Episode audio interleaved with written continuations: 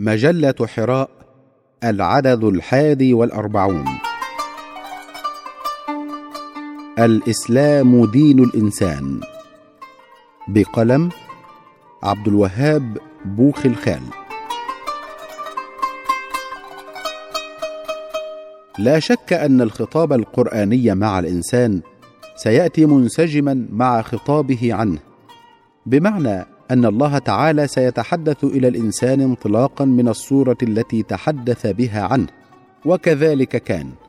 فقد جاءت شريعة الله تعالى إلى الإنسان في صورتها الخاتمة مع النبي صلى الله عليه وسلم متناسبة مع الصورة التي رسمت لهذا الإنسان. والقرآن يشير إلى هذه الحقيقة عندما يقص علينا مسيرة الإنسان من خلال قصص الأنبياء. تلك القصص التي نفى عنها الله تعالى العبث والكذب. فكانت بذلك تاريخا لمراحل الترقي التي قطعها الإنسان من سذاجته الأولى إلى نضجه هذا النضج الذي لا تعرف آفاقه ولا حدوده. واجمالا لنا أن نقول إن القرآن خاطب الإنسان باعتباره صانعا للحضارة أو مكلفا بصناعتها. وهذه قضية تدرك من النظر إلى الشريعة الإسلامية في كلياتها ومقاصدها كما في جزئياتها وتفاصيلها. فنحن نجد الإسلام في مقاصده الكبرى أو عند المقاصد الجزئية المرتبطة بتفاصيل أحكامه ينطلق من نقطة واحدة هي تكليف الإنسان بتحقيق الحياة اللائقة به ككائن مكرم. ولا يكون ذلك إلا بالتحقق بوصف الخلافة في نطاق العبادة والعمارة. فالإنسان خوطب من قبل أن يوجد على الأرض بخطاب يدعوه إلى أن يكون معمرا لها بل هوية هذا الموجود الجديد تحددت أول ما تحددت بوظيفته حتى من قبل أن يخرج من العدم إلى الوجود حين أعلن الحق تعالى للملائكة إني جاعل في الأرض خليفة. وهذه الخلافة التي طلب من الإنسان كما قلنا تحقيقها ضمن العمارة والعبادة هي التي دار حولها الخطاب القرآني للإنسان مطلق الإنسان كي يعمر الأرض ولا يخربها ويعبد الله ولا يتنكر له وهو ما يعطي لحركته في هذه الدنيا مفهوما إيجابيا للتعمير لا مجرد تكديس للمنتجات. يؤدي بالإنسان البعيد عن الله المنقطعة صلته بعبوديته إلى مفهوم الطغيان لأنه في لحظات الغرور تلك حين يرى نفسه ممسكا بزمام الطبيعة يسكنه وهم الاستغناء عن الخالق تعالى فيقع في رذيلة الطغيان والطغيان يقوده إلى الفساد والإفساد والفساد والإفساد يتناقضان مع طبيعة الكون وطبيعة الحياة الكريمة التي يريدها الله تعالى للإنسان. فهل يكون غريبا بعد هذا أن يتلازم تكليف الله تعالى للإنسان بتعمير الأرض مع تحذيره من إفسادها وقد خلقها الله على هيئة صالحة؟ ولا تفسدوا في الأرض بعد إصلاحها بل هل يكون غريبا أن يفتتح الله وحيه للإنسان بأن يرسم له خطوات المنهج الذي يحقق به الخلافة في الأرض ويحذره من المرض الذي قد ينأى به بعيدا عن وظيفته الوجودية وينبهه إلى مصيره وعودته إلى خالقه. لا لم يكن ذلك غريبا ولن يكون. فالقرآن أساسا نزل منهجا للإنسان ومن مقتضيات المنهج أن يرسم الخطوات ويحدد المطلوب بدقة. فكان أول ما نزل سورة العلق. بها ابتدأ الله خطابه للإنسان في مرحلة نضجه المتوافقة مع الوحي الخاتم. فجاء أول خطاب في آخر حلقات الوحي مرتبطا مع أول خطاب أعلن فيه عن إرادة الله في إيجاد هذا المخلوق الجديد. فآدم عليه السلام الخليفة المعلن عنه في بداية الخلق تقلب أبناؤه في مراحل تاريخ الإنسانية رقيا وتكاملا في مفهوم آدميتهم التي تؤهلهم لحقيقة الخلافة التي وسم بها أبوهم في بداية قصة حياتهم. فكان لزاما أن يأتي الوحي الخاتم منسجما مع هذا الرقي الذي بلغه الإنسان.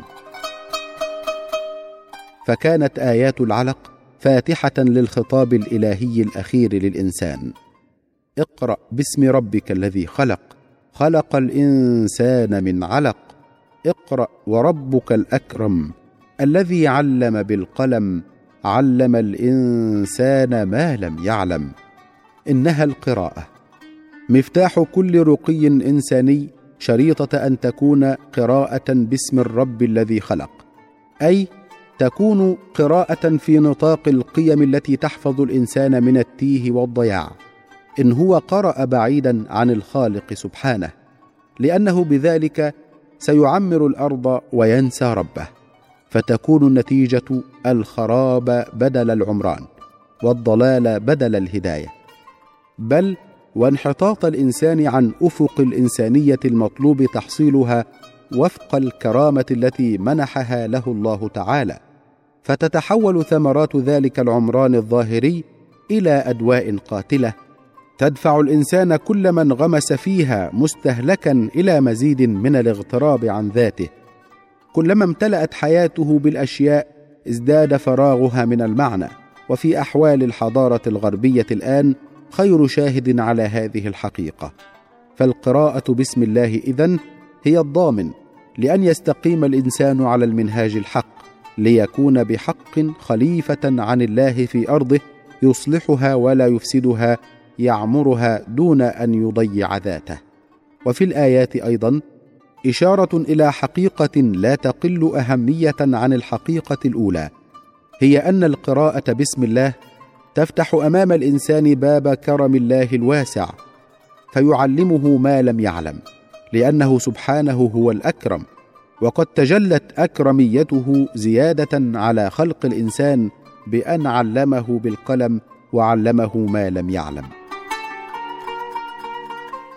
وشتان بين من ينطلق في آفاق الكون يقرأ باسم ربه ومن ينطلق فيها يقرأ وهو غافل عن خالقه. يسائل المادة ولكنه لا يسأل عن مصيره ولا عن معنى الحياة التي يحياها. يقرأ وقد يكتشف أسرار الكون وسننه التي أودعها الله فيه وقد يستغلها ويطوعها ولكن منتهى علمه وقراءته يقف به عند حدود الظاهر لا يكاد يتجاوزه. وأصحاب هذه القراءة هم الذين قال فيهم الله تعالى يعلمون ظاهرا من الحياة الدنيا وهم عن الآخرة هم غافلون. اذا فالإنسان خوطب بأن يقرأ ليتمكن من استيعاب منهاج الخلافة. هذا هو المنطلق وهذه هي القاعدة التي بنيت عليها الشريعة. الشريعة كما قلنا في مقاصدها وتفاصيلها أن يكون الإنسان وقد هيئت له الأسباب الذاتية ما ركب فيه من مواهب والموضوعية ما سخر له من موجودات قادرا على أن يسلك عمليا ما يجعله قريبا من الصلاح والإصلاح بعيدا عن الفساد والإفساد. ويتسع الصلاح المطلوب تحصيله ليشمل حياته في الدنيا والآخرة. ويتسع الفساد المطلوب البعد عنه ليشمل حياته أيضا في الدنيا والآخرة. لهذا عندما بحث عن المقصد العام من الشريعة الإسلامية التي هي خطاب الله للإنسان وجد أنه يتلخص في مراعاة مصالح الإنسان في العاجل والآجل وإنما تكون مصالحه مرعية بتشريع ما يحفظ هذه المصالح الإنسانية بمستوياتها الثلاثة ضرورية وحاجية وتحسينية. وعلى هذه المصالح الثلاث تقوم الحضارة. إذ بالضروريات يتحقق للإنسان المستوى الأساس من متطلبات الحياة اللائقة به كإنسان. ثم تأتي الحاجيات لتضيف إليه ما يجعل الحياة وقد تحققت أساسياتها بعيدة عن الحرج والضيق اللذين إن لم يعودا على الحياة بالإزالة فإنهما يعطلان حركتها ويعيقان تقدمها. ثم تأتي التحسينيات في المقام الثالث لتضفي على الحياة بعد أن استكملت أساسياتها ونأينا بها عن الضيق والحرج بعدها الجمالي. ونحن نرى تفاوت الأمم في درجات التحضر حسب تفاوت سقفها ارتفاعا وانخفاضا وفق هذه المصالح الثلاث. فرب أمة لا يزال الإنسان فيها يلهث من أجل الظفر ببعض الضروريات.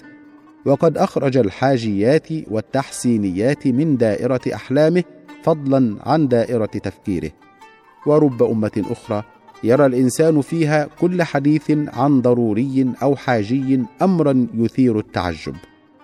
لأنه تجاوز هذه الأمور منذ أمد بعيد وهو الآن يسبح في دائرة الجماليات.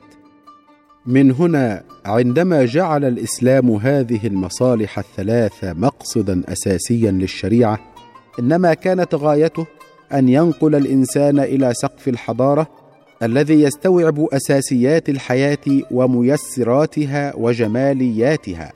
وهو ما تحقق في مرحلة ما من تاريخ المسلمين. الرسول صلى الله عليه وسلم وتجسيد الخطاب الحضاري ولن نجد إذا نحن بحثنا في تاريخ المسلمين مرحلة تجسد فيها الخطاب القرآني للإنسان بما هو خطاب حضاري أو على الأقل يعد الإنسان ليكون بانيا للحضارة كما تجسد في المرحلة النبوية. ذلك أن هذه المرحلة هي مرحلة التأسيس الفعلي للإنسان الجديد وفقا للرؤية الجديدة التي جاء بها الوحي الخاتم. فقد نزل القرآن في بيئة بدوية بعيدة عن كل مظاهر التحضر التي عرفتها بلاد الروم أو بلاد الفرس أو حتى الحضارات القديمة البائدة.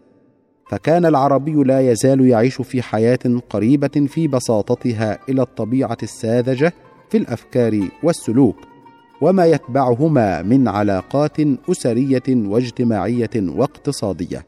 لم يكن تفكير الإنسان العربي إن هو فكر يتجاوز سقف القبيلة وما تفرضه عليه من قيم تجعله في أغلب الأحيان إن لم نقل كلها تابعا لا يملك فكاكا من الدوران في فلكها سلما وحربا حقا وباطلا. حتى قال قائلهم وما أنا إلا من غزية إن غوت غويت وإن ترشد غزية أرشد. لم يكن للإنسان العربي قبل الإسلام كتاب يهديه في حياته. أو يكون له مرجعا يشكل ثقافته كما هو الحال عند اليهود والنصارى في جزيرة العرب. بل كان سابحا مع تهويمات الشعراء حكمته في ذلك فلتات تأتي عفو الخاطر لا عن رؤية وتفكير وتفلسف. لم يكن به طموح إلى بناء كيان سياسي يجمع شتات القبائل المتناثرة تناثر حبات الرمل في صحرائه القاحلة. وكانت حياته كلها مصوغة وفق بداوته إن في مظاهرها المادية أو بناها الاجتماعية والثقافية. وقد كانت الخميرة التي استخدمت بعد ذلك لتعطينا حضارة ناضجة ظلت لقرون تقود العالم وتؤسس لما يأتي بعدها من تقدم إنساني. وقد استطاع النبي صلى الله عليه وسلم في رسالته أن يحول تلك الإمكانات في ظرف قصير إلى عطاء جديد. وينقل الإنسان العربي من بداوته إلى آفاق حضارية مدهشة حتى عد ذلك بحق من أبرز مظاهر صدق نبوته صلى الله عليه وسلم. وما يشدنا في الفعل النبوي هنا هو تهيئته صلى الله عليه وسلم الإنسان العربي في ذلك الزمن ليكون إنسانا آخر يبني حضارة ولا يكتفي بذلك بل سيحمل الحضارة إلى غيره ويخرج من آفاق القبيلة معرفيا وجغرافيا. فكان الإعداد بارزا في توجيهات الرسول صلى الله عليه وسلم حتى في المسائل البسيطة التي عادة ما يتعامل معها الناس على أنها توجيهات أخلاقية أو آداب تستهدف تعديل السلوك الفردي كتلك التي تناولت آداب الأكل واللباس والنظافة والحديث والطريق. وكان ذلك الإعداد ذا بعدين أحدهما معرفي والآخر سلوكي. وفي البعد المعرفي تبرز المسائل التالية التنويه بالعقل والاعتداد بالعلم التنويه بالتعلم واكتساب أدواته الاحتكام إلى العقلية العلمية والبعد عن العقلية الخرافية التمييز معرفيا بين مجالات الوحي ومجالات العقل. وفي المجال السلوكي تبرز مسائل الآداب التي أشرنا إليها ففضلا عن الواجبات في العبادات وغيرها. وما تحمله للإنسان من سلوكيات حضارية تبرز آداب الأكل والشرب والنظافة واللباس واتخاذ الزينة والتعامل مع البيئة نباتا وحيوانا إلى آخره. ويمكن أن نورد عن كل واحدة من هذه المسائل عشرات الأحاديث والمواقف من سيرة المصطفى صلى الله عليه وسلم، خصوصا إذا وسعنا دائرة النظر وحررنا تلك النصوص من القراءة الفقهية الضيقة التي تعنى فقط بالبحث عن الحكم الفقهي بالمفهوم الخاص لنقرأها قراءة تستخرج البعد الحضاري أو الإعداد له فيها. فكل هذه المسائل معرفية أو سلوكية جاءت في السنة تاكيدا أو شرحا لما ورد في القرآن الكريم. وهي إن تأملناها من زاوية الإعداد الحضاري نجدها كلها تجسيدا للخطاب القرآني الذي يريد من خلاله الله تعالى بناء إنسان جديد بإمكانه أن يبني حضارة وأن يحمل حضارة للآخر مهما كان هذا الآخر مختلفا عنه عقيدة وعرقا ولغة وجغرافية. وإذا شئنا أن نختم كلامنا بفكرة جامعة فإننا نقول إن حديث الإسلام عن الإنسان يبرزه مخلوقا مكرما مؤهلا لصناعة الحضارة. وحديث الإسلام عن الإنسان يدعوه إلى أن يلتفت إلى مؤهلاته ووظيفته كي يبني الحضارة. فجاءت أحكام الإسلام منسجمة مع المكانة المعطاة للإنسان من جهة ومع الوظيفة التي كلف بها من جهة أخرى وأسهمت في مقاصدها الكبرى أو حتى عند مقاصدها الجزئية في إحداث التفاعل الذي صنع إنسان الحضارة الإسلامية.